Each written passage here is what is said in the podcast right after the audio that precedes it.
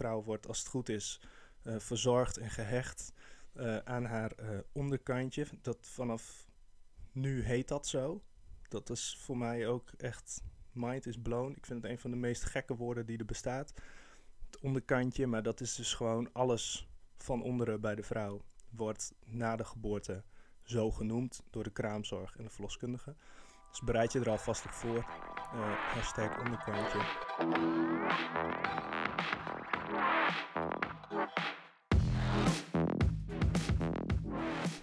Hey, super tof dat je luistert naar deze podcast.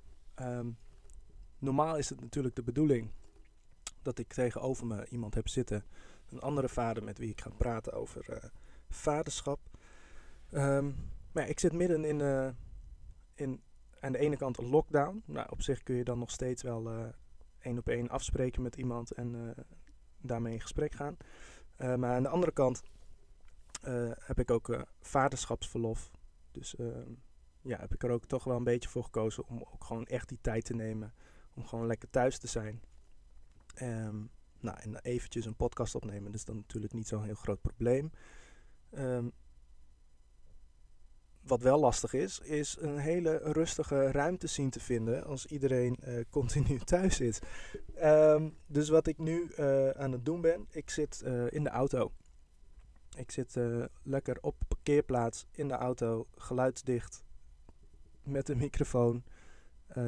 Er is nog niemand langsgelopen, maar als je het idee hebt dat ik ineens heel awkward praat, dan is dat waarschijnlijk omdat ik me altijd heel erg aantrek als iemand uh, zit te kijken van wat doet die gozer nou weer. Uh, dus ik zit in de auto deze podcast op te nemen. Ik zal er straks even een fotootje van maken en op Instagram plaatsen. Um, maar ik ga het dus in mijn eentje doen. Dus het wordt een beetje een monoloog. en ik ga het dus hebben over, je raadt het al, de bevalling nou, ik ben daarbij geweest. Het geboorte van ons dochtertje Reza Noël. En uh, ja, dat was een uh, super mooie ervaring. Niet onze eerste keer, het was de derde keer.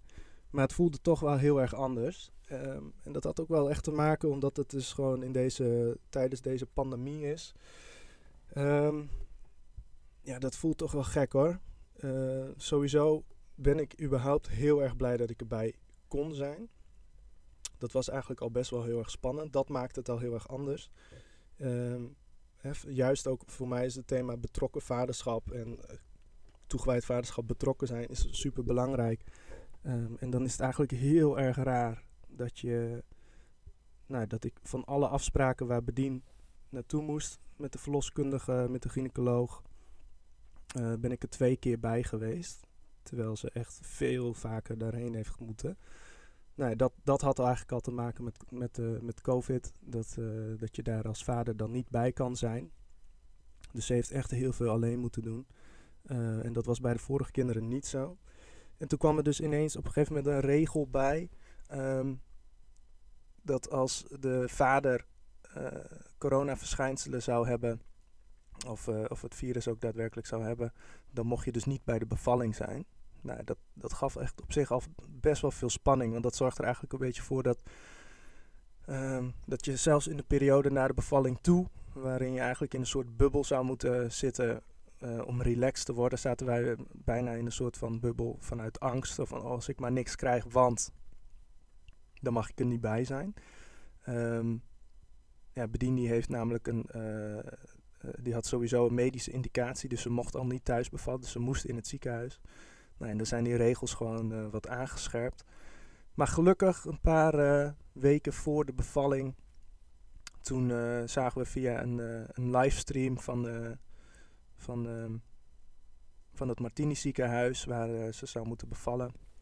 Die hadden op hun Instagram hadden ze een, een, ja, een soort vragenkwartiertje, omdat dat dus ook niet meer live kon op, op locatie. Dus dan kon je vragen stellen. En toen werd daar gelukkig duidelijk dat um, dat het toch wel echt heel erg belangrijk vonden als noordelijke ziekenhuizen dat de, ja, dat de partners er gewoon bij konden zijn. Dus dat was wel echt super gaaf. Um, en wonder boven wonder mocht er zelfs een bevallingsfotograaf bij zijn. Dat was ook iets wat we heel erg hoopten. En die hadden we eigenlijk al gevraagd of zij erbij kon zijn. Dat is Anouk Wubs. Um, ook als je naar mijn uh, Instagram pagina gaat, dan zul je daar ook foto's van haar zien. Ehm, dat is echt zeker de moeite waard bij een bevalling om daar ook een bevallingsfotograaf bij te hebben. Want het geeft toch een stukje ehm, ja, verwerking of zo, een stukje closure. Want je zit zo in een soort cocon, als het goed is, uh, als je gaat bevallen. Vooral de moeder. Dus je, die maakt gewoon heel veel dingen gewoon niet mee.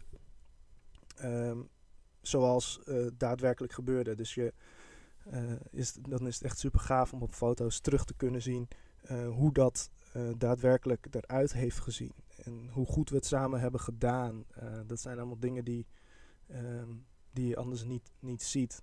Ehm, een voorbeeld is bijvoorbeeld ook dat uh, de verloskundige en ik, en eigenlijk iedereen die erbij was, continu zeiden van, uh, oh wat doe je het goed en wat ben je rustig gebleven, wat ben je kalm en wat adem je goed. En je was totaal zen, helemaal kalm. Terwijl Bedien echt dacht, ik was toch volledig in paniek, maar dat is dan volledig in haar hoofd. En als je dan de beelden terugziet, dan zie je dus echt hoe sereen het was en hoe mooi het was ondanks alle pijn. Echt, daar doe ik niks aan af. Het was echt uh, hels, denk ik, uh, uh, om zoiets te moeten meemaken. Dus als, als vaders, wij kunnen heel veel zeuren over, over bevallen en over opvoeden. Um, maar ja, er is gewoon één ding wat, wat, waar we altijd in gespaard zullen zijn. En dat is dat ons lichaam niet helemaal kapot gemaakt hoeft te worden om een wondertje in de wereld te krijgen. Dus petje af naar alle moeders, naar alle vrouwen. Want dat is echt ongelooflijk zwaar. Um, ja, dus deze, eigenlijk gaat deze podcastaflevering ook een beetje over... Ja, hè, hoe kun je dan als vader juist in zo'n uh, setting van een bevalling er toch voor zorgen dat, dat het... Nou ja, hè, wij hebben het natuurlijk niet in de hand, maar we kunnen zeker wel... Uh, op een bepaalde manier de pijn verzachten. Of in ieder geval het fijner maken voor uh, voor de vrouw, fijner maken voor, de moeder. Um, maar hoe ziet dat er dan uit? En um, ik ga gewoon vertellen hoe het vanuit mijn perspectief eruit zag, hoe, het, hoe ik het heb ervaren. En het kan best zijn dat ook uh, moeders die hier naar luisteren en denken van nou, fijn dat jouw vrouw daar wat aan heeft gehad, maar ik heb dat totaal niks aan als jij zo, als mijn man zo zou doen. Um, laat dat dan ook even weten. Het is natuurlijk niet alles wat ik vertel, is niet uh, hoe het zou moeten. Maar dat is gewoon puur hoe ik het heb gedaan. Um, en hoe wij het als fijn hebben ervaren. Dus misschien heb je er wat aan. Mocht je er toch vragen over hebben of je denkt, nou, dat kan me haast niet voorstellen dat dat chill is. Uh, laat dat gewoon weten. Dat kun je doen via mijn Instagram, Dedication de podcast. Um, of je zoekt me op, Steven van der Leij, op uh, Facebook of op uh, LinkedIn. En dan kun je die vragen gewoon stellen. Um, nou, het begint eigenlijk um, als je in het ziekenhuis moet bevallen, maar ook als je thuis moet bevallen. Dan gaat de verloskundige op een gegeven moment vragen: um, wat zijn je wensen? En dan moet je eigenlijk als, uh, als moeder een bevallingsplan schrijven. En ik denk dat in veel gevallen de vrouw dat volledig gewoon bepaalt. Um, maar ik denk dat dit eigenlijk al de eerste stap is waarin je als vader nou gewoon letterlijk uh, je betrokkenheid kunt tonen. Dus uh, zorg dat je erbij bent met het maken van zo'n bevallingsplan. Praat er veel over met je vrouw. Wij hadden dat al twee keer meegemaakt, dus we wisten ook wat we absoluut niet wilden in deze bevalling. En we wisten ook wat we echt, echt heel erg hoopten wat zou gaan lukken. Maar zorg er dan ook voor dat je, nou helemaal als je in het ziekenhuis bevalt, dan kan het zo zijn dat het ineens anders gaat of dat het ineens heel rap gaat en dan kun je heel erg snel geïntimideerd voelen door, uh, hè, door de expertise van de artsen. Dus dat ze gaan zeggen van, uh, nou je kan beter op het bed gaan bevallen, uh, want het gaat nu heel snel. Um, terwijl je eigenlijk als wens had om in een bad te bevallen bijvoorbeeld. Nou, dat was in ons geval wilden wij heel graag een badbevalling. Nou, gelukkig was er niet heel veel stress. Um, en was daar gewoon tijd voor. Dus ze, hebben, ze hadden al een, bad voor ons eh, klaarstaan. En die eh, moest dan alleen nog eh, een hoes in. En daar betaal je dan een klein bedrag voor. En dan wordt dan zo'n bad gevuld. Maar ja, dat kost enige tijd. Um, nou, en daar, dat zijn bijvoorbeeld dingen waarin je als vader dan bijvoorbeeld gewoon aan de, aan de verloskundige kan zeggen van joh, is het niet de tijd dat we nu alvast het bad gaan vullen? Uh, kan ik je daarbij helpen? En dat doe je eigenlijk zodat je vrouw uh, gewoon bezig kan zijn met de weeën, gewoon bezig kan zijn met in het moment zijn, um, uh, zich voorbereiden mentaal op, op wat er gaat komen. En dat die niet bezig hoeft te zijn met al die praktische dingen, met, met dingen regelen. Um, nou, wat, wat, wat ook heel erg handig is om als vader te kunnen doen, is dat je zeg maar de bevallings- uh, of de vluchttas maakt uh, met alle spullen erin. Nou, dat uh, heeft Bedien in deze toch een beetje volledig zelf gedaan. Het had te maken met dat ik dat bij de eerste zwangerschap had ik een vluchttas gemaakt. En toen we in het ziekenhuis moesten bevallen, zat de helft er gewoon niet in. Um, ja, dus dat is wel heel erg belangrijk om, uh, om het daar gewoon goed over te hebben. Van uh, wat willen we bij ons hebben. En er zijn online allemaal lijstjes te vinden van wat moet er in een vluchttas. Uh, veel, veel verloskundige praktijken hebben daar ook opzetjes voor, formatjes. Um, alleen wij wilden toch even ook nog wat extra dingetjes erbij. Um, wat wij bijvoorbeeld hebben meegenomen is een zoutlampje Of een sfeerlampje, gewoon zodat we daar gewoon alle lampen uit konden doen. We moesten overdag bevallen, dus we dachten, nou weet je wat, we maken er gewoon een mooie serene ruimte van. Gewoon lekker chill. Uh, we wilden per se een laptop mee, zodat we een Spotify-lijst met uh, super relaxed muziek aan konden zetten. Eh, en we hadden een, een diffuser mee. Dat is zo'n ding, daar doe je water in en, en ja, geurolietjes ja, gewoon geurtjes erin. We hadden lavendelgeurtjes, dat hebben we thuis vaak ook. Dus we proberen echt zoveel mogelijk, helemaal als je in het ziekenhuis wil bevallen, terwijl je wens was om thuis te bevallen, uh, dan is het mooi om ja, op die manier het een beetje na te bootsen hoe je het thuis anders had gedaan. Nou, en dat zijn allemaal dingen, terwijl je vrouw dan gewoon al bezig is met het wegpuffen, of nee, niet het wegpuffen, uh, het, het wegademen, maar daar kom ik straks nog op wat het verschil een beetje is.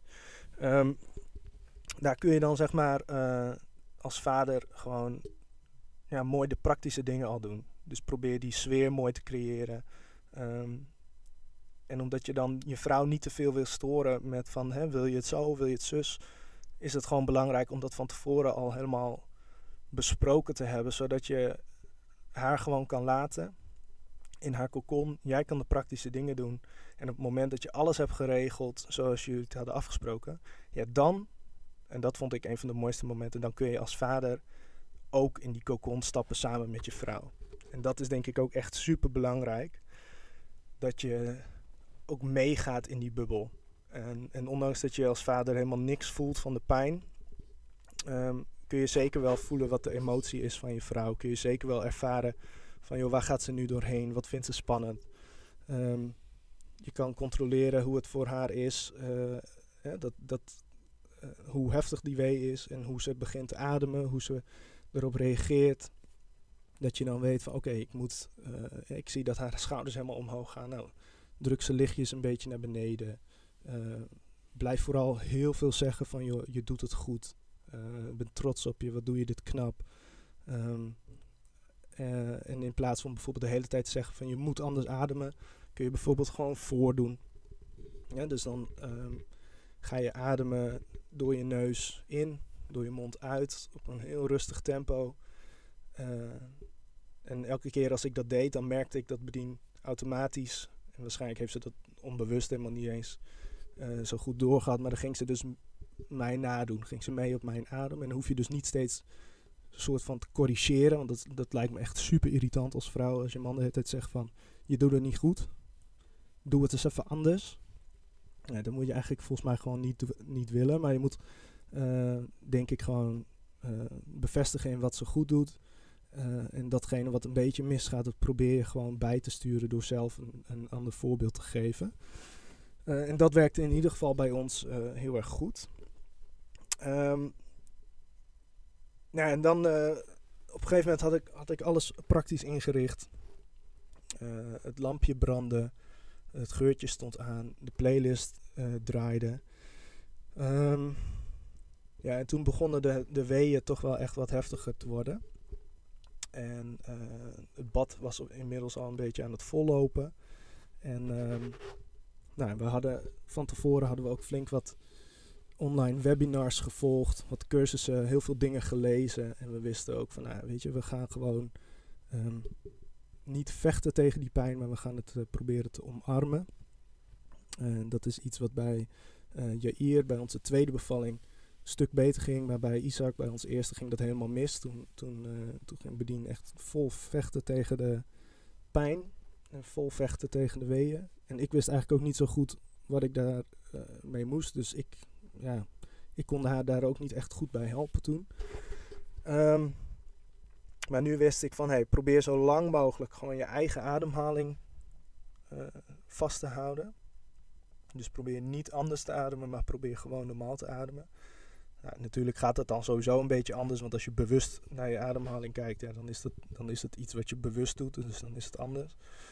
Um, maar dat deed ze echt supergoed. En uh, daar was ik eigenlijk al ontzettend trots op haar. En toen op een gegeven moment, toen was het bad vol.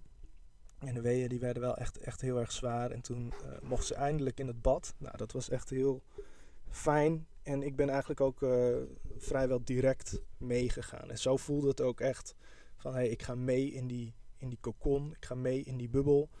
Um, en dan gaan we hier samen, gaan we hier doorheen. Nou, ik heb ook uh, op Instagram en op Facebook had ik een vraag gesteld van, hey, hoe, hoe heb jij uh, je vrouw hierin geholpen? Of hoe heeft jouw man jou hierin geholpen? En er waren best wel wat reacties op. En wat eigenlijk wel mooi was om te horen, is dat eigenlijk ook de vrouwen vooral wel zeggen van ja, weet je, de man kan eigenlijk ook niet zo heel veel doen. Maar waar ik echt het meeste aan heb gehad, is dat mijn man of mijn partner gewoon zei: Joh, wat doe je het goed? Ik ben trots op je. En um, vasthouden. Gewoon echt de zijn. Dus als je die mogelijkheid hebt. Uh, ik hoor ook wel eens verhalen van, van, van mannen die zeggen van ja, weet je, ik, kan, uh, ik voel me dan toch machteloos, ik kan toch niks doen. Dus ja, het is toch mijn vrouw die het moet doen. Dus ik, ja, ik blijf gewoon doorwerken totdat, totdat de baby er is. Of ik, ben, ik zit aan de andere kant van de kamer en als er iets is, dan hoor ik het wel. Dat, dat kan. Het kan best zijn dat je daar met z'n tweeën over hebt gepraat. Um, en als je vrouw dat aangeeft, dan is het helemaal prima, denk ik. Maar als dat vanuit een soort onzekerheid komt, dat je denkt, ja, ik heb geen flauw idee wat ik moet doen, dus ik doe maar niks. En je vrouw is misschien niet het type die durft aan te geven, ja, maar ik heb je toch eigenlijk nodig. Bespreek dat dan.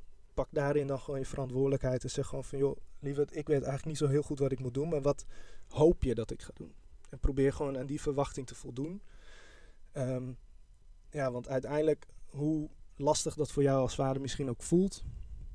Want zeker, ik heb dat ook wel gehad. Er zijn echt momenten dat je super machteloos voelt. Dat je echt denkt: ja, is dit het nou het enige wat ik kan doen? Ja, waarschijnlijk wel. Maar als je het niet doet, als je helemaal niks doet, ja, dan is dat ook echt wel heel erg heftig, denk ik, voor, uh, ja, voor je vrouw.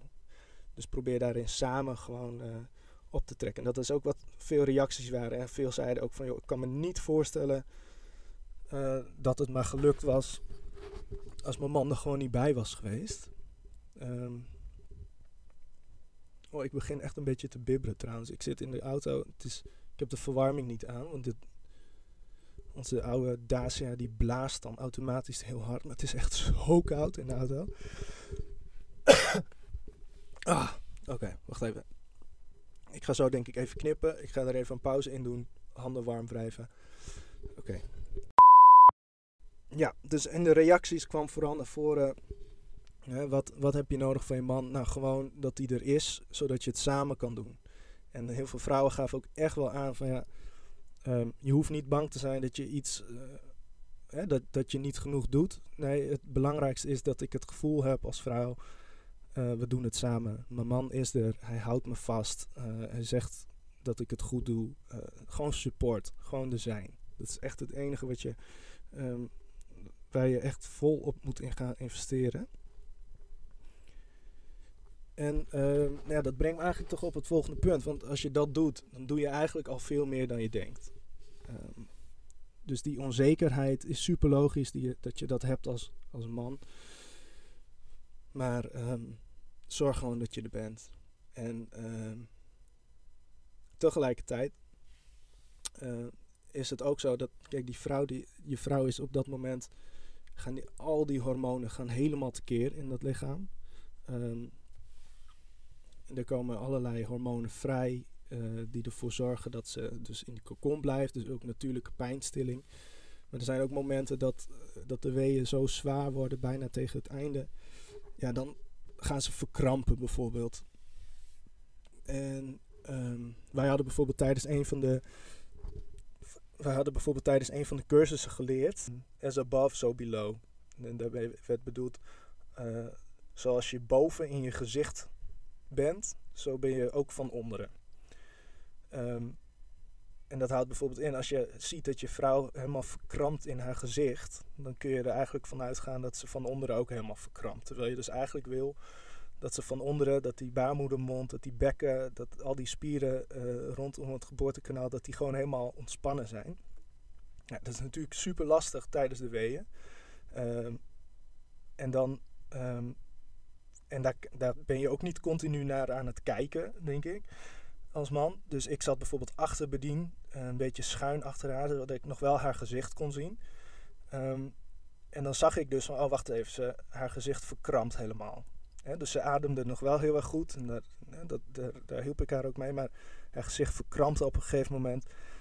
En dan gingen die wenkbrauwen helemaal fronsen. Dus op een gegeven moment ben ik uh, nou, gewoon haar wenkbrauwen gaan, uh, gaan uh, ja, aaien, masseren. Of, of, en, en dan elke keer ontspande haar gezicht. Um, en achteraf heeft ze ook gezegd dat dat een van de dingen was wat het meeste hielp. Nou, en dat is dus wat je als vader heel goed kan doen. Uh, jij hebt die cursus ook gevolgd, jij bent erbij.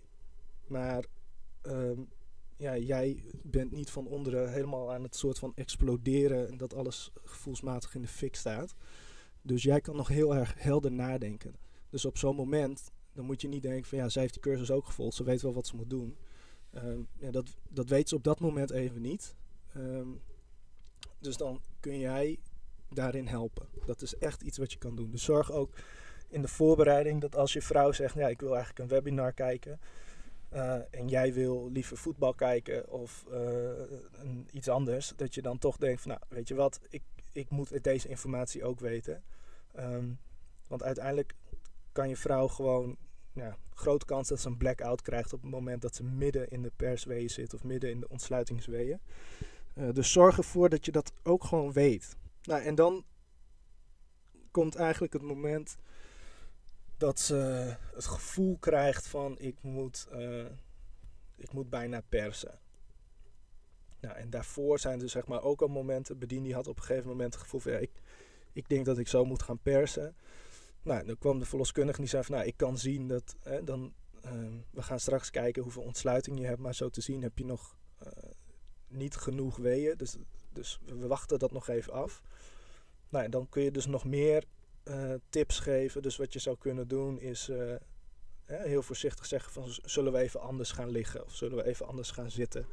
Kijk, wij zaten in een badje, wat trouwens echt een super, super klein badje was. We hadden echt een groot bad verwacht. Dat was bij hier wel zo. En dit was eigenlijk een eenpersoonsbadje. Um, maar ja, in ieder geval, we konden het ermee doen. Maar dan, dan, dan kun je dus voorstellen, zullen we even anders, anders gaan drijven of anders gaan liggen, anders gaan zitten. Um, want dat helpt ook heel erg mee. Uh, als je merkt dat je vrouw het steeds zwaarder krijgt met het opvangen van de wee, dan kan het heel erg helpen als je haar in een andere positie zet. Dus als ze zeg maar met haar rug naar je toe ligt, uh, benen gestrekt, dan kun je op een gegeven moment zeggen: ga maar op je knieën zitten of uh, ga rondlopen. Hangt er natuurlijk vanaf of je in een bad zit of dat je in een bed ligt. Um, als er geen bad is, dan zou je bijvoorbeeld tegen je vrouw kunnen zeggen: we gaan, we gaan even onder de douche staan. Dat zijn allemaal dingen die helpen om de weeën op te vangen. Maar eigenlijk eh, zorgt dat er ook voor dat uh, als je veel beweegt, veel verandert van de houding. Um, dat kan in totaal, nou, volgens een van die cursussen was er een onderzoek naar geweest, dan kan dat bijna een uur van je, van je bevalling afhalen. Um, nou, dus dat, dat, daarin heb ik ook uh, wat tips proberen te geven. Dus dat gingen we op een gegeven moment samen doen. Maar en uh, op een gegeven moment merkten we gewoon heel erg van, hey, volgens mij gaat het nu komen. een bedien die zei: ik wil, eh, ik wil graag naar de wc. Dus zij naar de wc toe, maar dat was eigenlijk al omdat ze het gevoel had uh, van ja, als ik dan ehm, zit, dan komt het misschien sneller. Nou, dat was ook echt wel bijna het geval. Dus wij hebben uh, eigenlijk op de wc gezeten. Ook daar gewoon continu haar gezicht masseren. Proberen die ontspanning in, in, in, in het gezicht en in de schouders, in de nek weg te halen. Zodat het van onderen helemaal ontspant. Nou, eindelijk was het bijna zover. En dat is denk ik wel het, gekke. Dat, dat heb ik gewoon heel erg gezien bij Bedien. Dat is het paradoxale. Aan de ene kant wil je dat het zo snel mogelijk voorbij is. Um, maar ja, hoe, op het moment dat het dan ook daadwerkelijk daar is, ja, dan slaat het toch ook wel een soort van angst toe.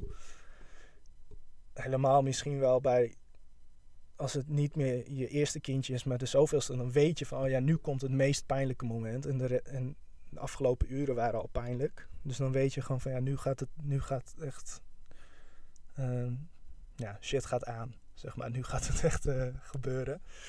Um, dus wij moesten naar het bed toe, want de verloskundige wilde toch echt eerst even kijken hoeveel ontsluiting er was. Nou, er was inderdaad uh, genoeg ontsluiting, uh, 9, 9, centimeter, dus we moesten bijna gaan uh, persen.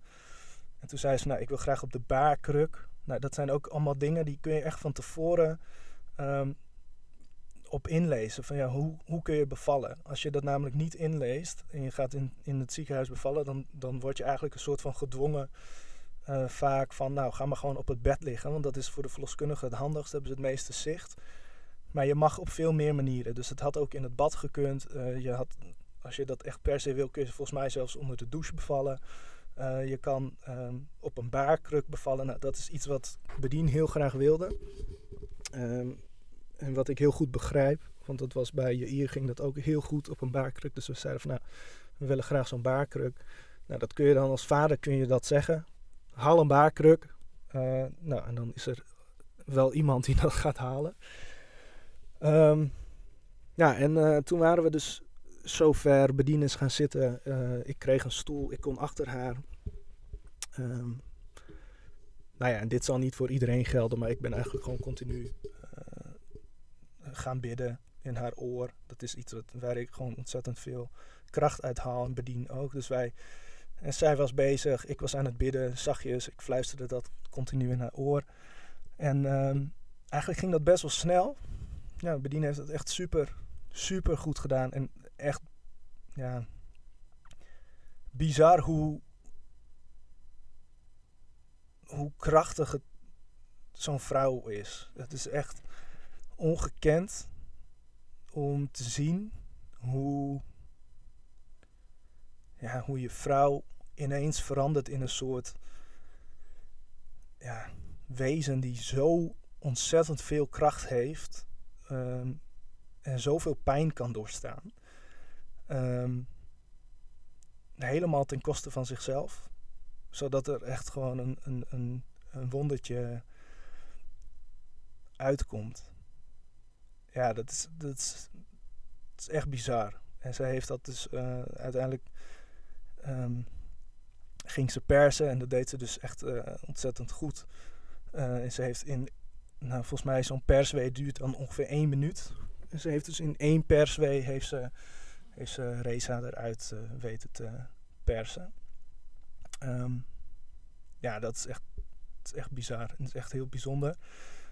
en wat, wat zo mooi was, is dat um, en er zijn ook foto's van, dus ik, ik zal er ook voor zorgen dat die, als je daar benieuwd naar bent, dat je dat terug kan, terug kan vinden op de socials. Is dat um, ja, op een gegeven moment dan, dan, dan was echt. Ik kon het niet zo heel goed zien, dus ik zat achter haar, maar je voelt gewoon een hele ruimte van ze is er. En nog voordat nog voordat de verloskundige zegt van ja, ze is er, dan voel je al van hé, hey, er, verandert iets. Er is gewoon um, uh, even zo'n zo'n kort moment, een paar seconden van, uh, van kalmte. En toen was het ineens, uh, werd, werd door de verloskundige, werd Reza zo onder bedien vandaan zo naar boven getild. En dan zie je dus nou, op de foto zie je dat ook heel erg goed terug. Maar ik zag het dus over haar schouder heen.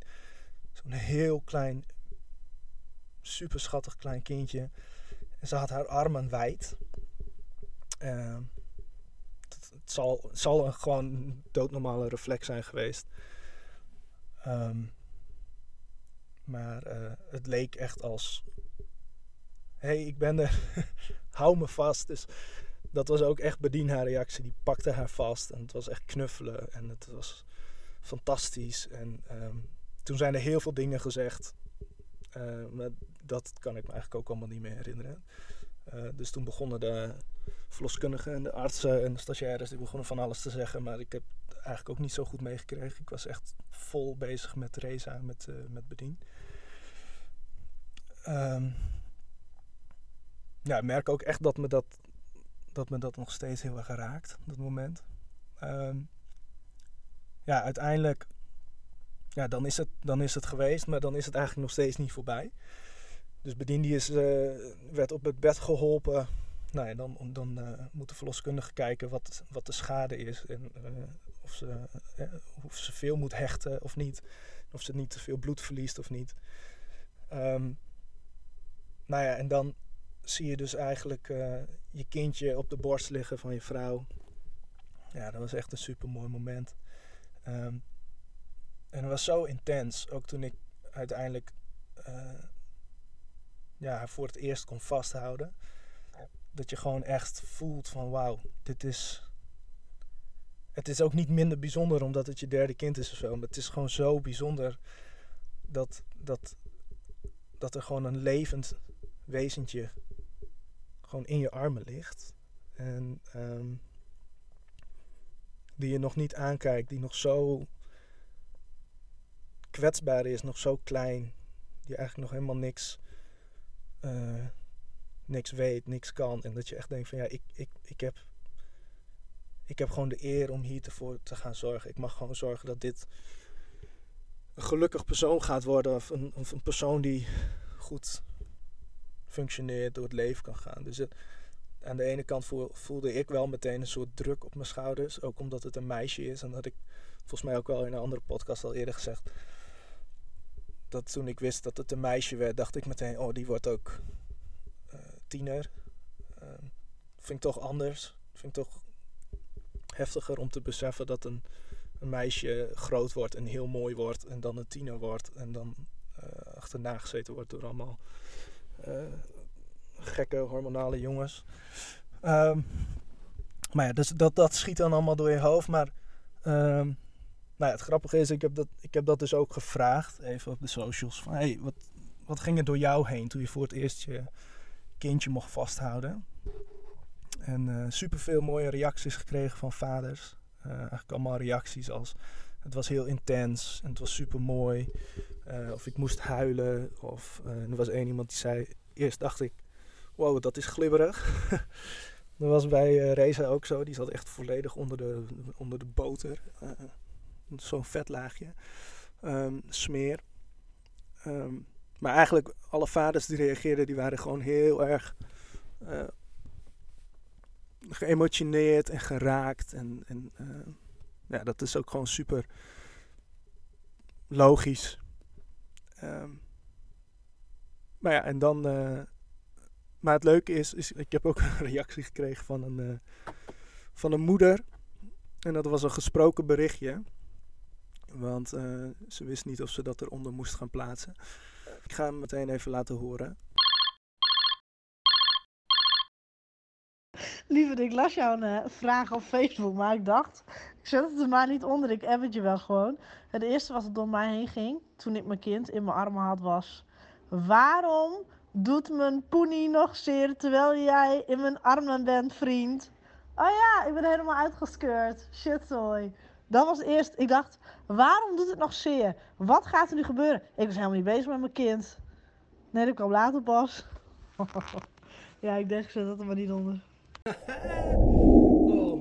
nou dat is dus echt een uh, totaal ander uh, antwoord dan wat wij vaders hebben gegeven. Uh, super bedankt hiervoor. Super eerlijk en ik, kan me, ik kan me het zo goed voorstellen. Bizar. Het zegt, ik liet het meteen luisteren aan bedien.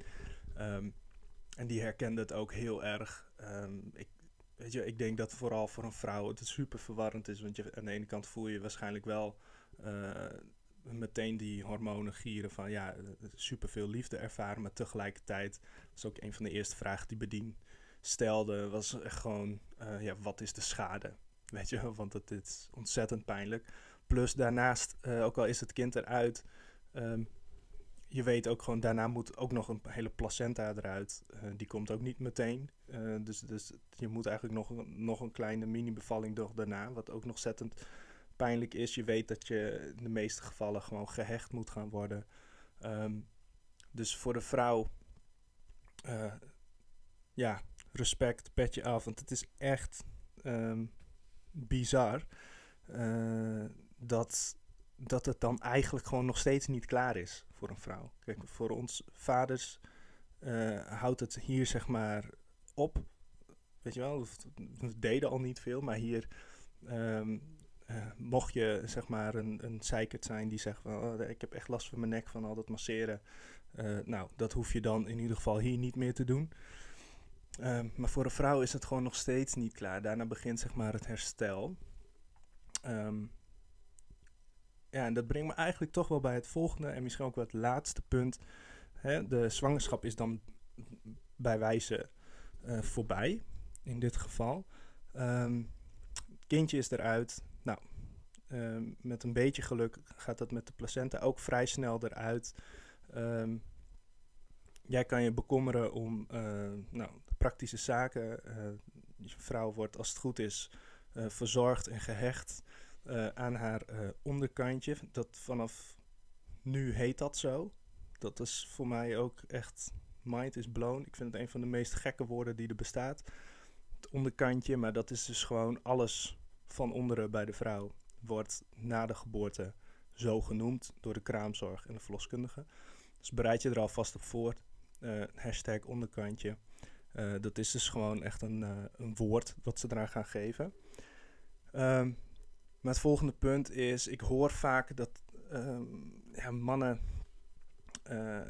die geïnterviewd worden erover, of stukken die je leest, um, dat ze je aanraden om niet te kijken naar de schade, hoe het daaronder is. Um, en ik snap dat ergens wel. En het is denk ik sowieso iets, je vrouw moet uh, denk ik bepalen of jij dat mag zien of niet. Want ik kan me ook wel voorstellen dat sommige vrouwen dat gewoon echt niet willen.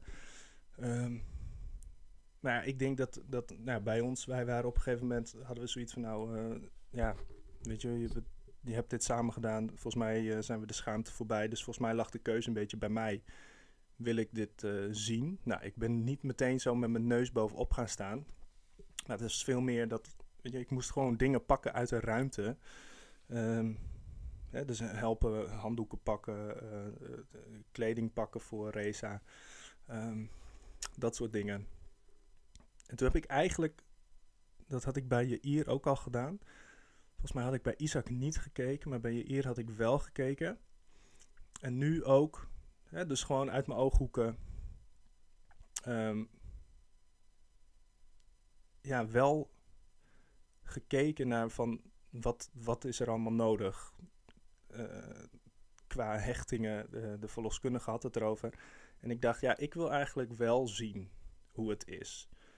En uh, ja, het is aan de ene kant precies zoals, uh, volgens mij was het uh, Robin Williams die het een keer zei, de, Robbie Williams tijdens een interview, dat hij zei, it's, it's like watching your favorite, favorite pub burn down. Dus alsof je favoriete café in de fik staat. dat, ik, ik snap dat hij dat zegt.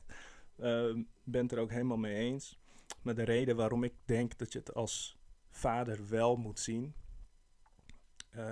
is omdat je echt daardoor beseft wat voor offer je vrouw heeft gebracht voor, voor je kind, maar ook voor jou. Um, en ik denk dat je daarna anders uh, ook gewoon heel vaak, zeg maar, ik zie dat nu ook elke keer als bedien uh, Reza aan de borst heeft ja, dan komt zeg maar die, die oxytocine komt vrij. Dat, dat gelukshormoon komt vrij. En dan zie je haar glunderen, je ziet haar stralen. Dus um, als ik zeg maar niet de, had gezien hoe haar lichaam toegetakeld was, dan zou ik denken, oh, nou, ze is ook klaar, weet je wel. Dan zou ik al veel te snel ook over haar grenzen gaan. Eh, en, en, als zij vraagt van, wil je dit pakken? Uh, geneigd zijn om te denken van, joh, kun je het niet zelf pakken? Nee, als je ziet hoe haar lichaam toegetakeld is, hoeveel hechtingen ze nodig had, hoeveel bloed ze verloren was. Het was echt serieus een slagveld. En ik denk als je uit bepaalde angst voor bloed of een bepaalde angst voor. Ehm, nou, ik wil niet weten hoe, uh, hoe, hoe het daar van onder allemaal uitziet na een bevalling. Want uh, dan kan ik nooit meer uh, daar normaal naar kijken. Nou, kom op, verman jezelf. neem gewoon je verantwoordelijkheid om voor je vrouw te zorgen na die tijd. En ik denk als je hebt gezien hoe haar lichaam eraan toe is, dan snap je ook van het is niet even binnen twee weken weer normaal. Nee, dat, is echt. Haar lichaam heeft negen maanden hier naartoe gewerkt. Daarna is het helemaal, ehm, eh, ook al is het ervoor gemaakt, is het toch helemaal kapot gegaan om uh, echt gewoon een levend wezen uit te krijgen. Als je het gezien hebt, dan heb je zoveel meer uh, respect extra ervoor. Dat je echt denkt van nou, ik ga jou um, in de watten leggen. Ik ga ervoor zorgen dat jij um, niet alles weer moet doen. Elk moment dat je kan uitslapen, dan ga ik je laten uitslapen. Want moet, jouw lichaam moet gewoon herstellen. Um, en daarom denk ik, dat is denk ik mijn laatste tip. Uh, en dat wens ik jou toe als vader, maar ook als moeder. Uh, dat je die rust krijgt van je partner. En ik wens het jou ook toe als vader om dan gewoon die rust te gaan geven aan je vrouw. Um, en ik denk dus als je het gezien hebt, dan helpt dat. Um, dus bedankt ook aan, uh, nou ik zou het, degene die dit berichtje heeft ingesproken, zou ik anoniem houden. Um, super bedankt. Echt heel lief dat je het toch even gestuurd hebt. Bedien was het er ook helemaal mee eens. En ik denk meerdere moeders het er wel mee eens zouden zijn. Nou, dit was dus eigenlijk uh, ons verhaal. Dit, uh, dit is hoe wij het hebben beleefd. Ik moet trouwens ook eerlijk zeggen dat ondanks dat ik ernaar gekeken had... Uh, en ondanks dat ik echt ervan overtuigd ben dat Bedien al die liefde en pampering echt even nodig had... is dat echt iets wat je gewoon als vader echt bij stil moet blijven staan. En gelukkig gaf Bedien het aan na een paar weken van... joh, weet je, je was zo lief tijdens die bevalling. Um, uh, ik, ik, mis die, die, die, uh, die geborgenheid een beetje, of die aanraking. Of dat je uh, nu nog steeds me over mijn wenkbrauw zou aaien. En dat is echt iets wat je als vader vrij snel vergeet. Weet je, wel? je hebt zelf ook gebroken nachten, je bent snel ook kapot van de moeheid. Uh, dat je dus al vrij snel ook, ook gewoon je egoïstische kant komt even weer boven. En dat is ook normaal, dat is ook logisch. En ik denk dat ik geluk heb met een vrouw die gewoon eerlijk zegt van... joh, weet je, ik had dat toen heel erg nodig, maar ik heb dat nu eigenlijk ook nog steeds nodig. Super, dat is heel erg fijn en daar mag je juist uh, ook heel erg dankbaar om zijn als je vrouw zo kan communiceren. Dus daar ben ik ook heel dankbaar om. Daarna kon ik het dus weer bijstellen. Dat ik dus weet van, oh, oké, ze staat er dus nog wel voor open. Ze vindt dat wel heel erg chill. Dat is ook even schakelen, want tijdens de zwangerschap kon, ze, nou ja, kon ik dus vaak ook gewoon juist niet te dichtbij komen. Want toen had ze dus uh, dat ze alles rook. Dus uh, nou, een jongen die echt fanboy is van knoflook zoals ik, ja, die wordt dan al vrij snel gemeden. Dus um, ja, nee, dat, dat, maar nu was dat dus wel heel erg nodig. En dus neem dat ook niet, niet te ja, als je vrouw na de bevalling dingen van je gaat vragen uh, en jij bent zelf heel erg moe, ja, weet je, het hoort er even bij, man. Uh, het is een klein offer wat jij kan brengen, denk ik. Het is een klein offer wat ik kan brengen. Um, ze heeft negen maanden voor jou gestreden. Dus ik denk dat jij uh, zeker ook minimaal dat terug kan geven. Um, ja, en daar zit denk ik het stukje dedication. Dat is denk ik het stukje toewijding wat wij kunnen geven nu, eindelijk. Eindelijk kunnen wij nu ook wat doen. We hebben gewoon al die maanden naar de zij, aan de zijlijn gestaan. En nu mogen wij uh, iets teruggeven. En dat, dat vertaalt zich in, um, uh, in er als eerste uitgaan. Um, haar die rust laten uh, hebben.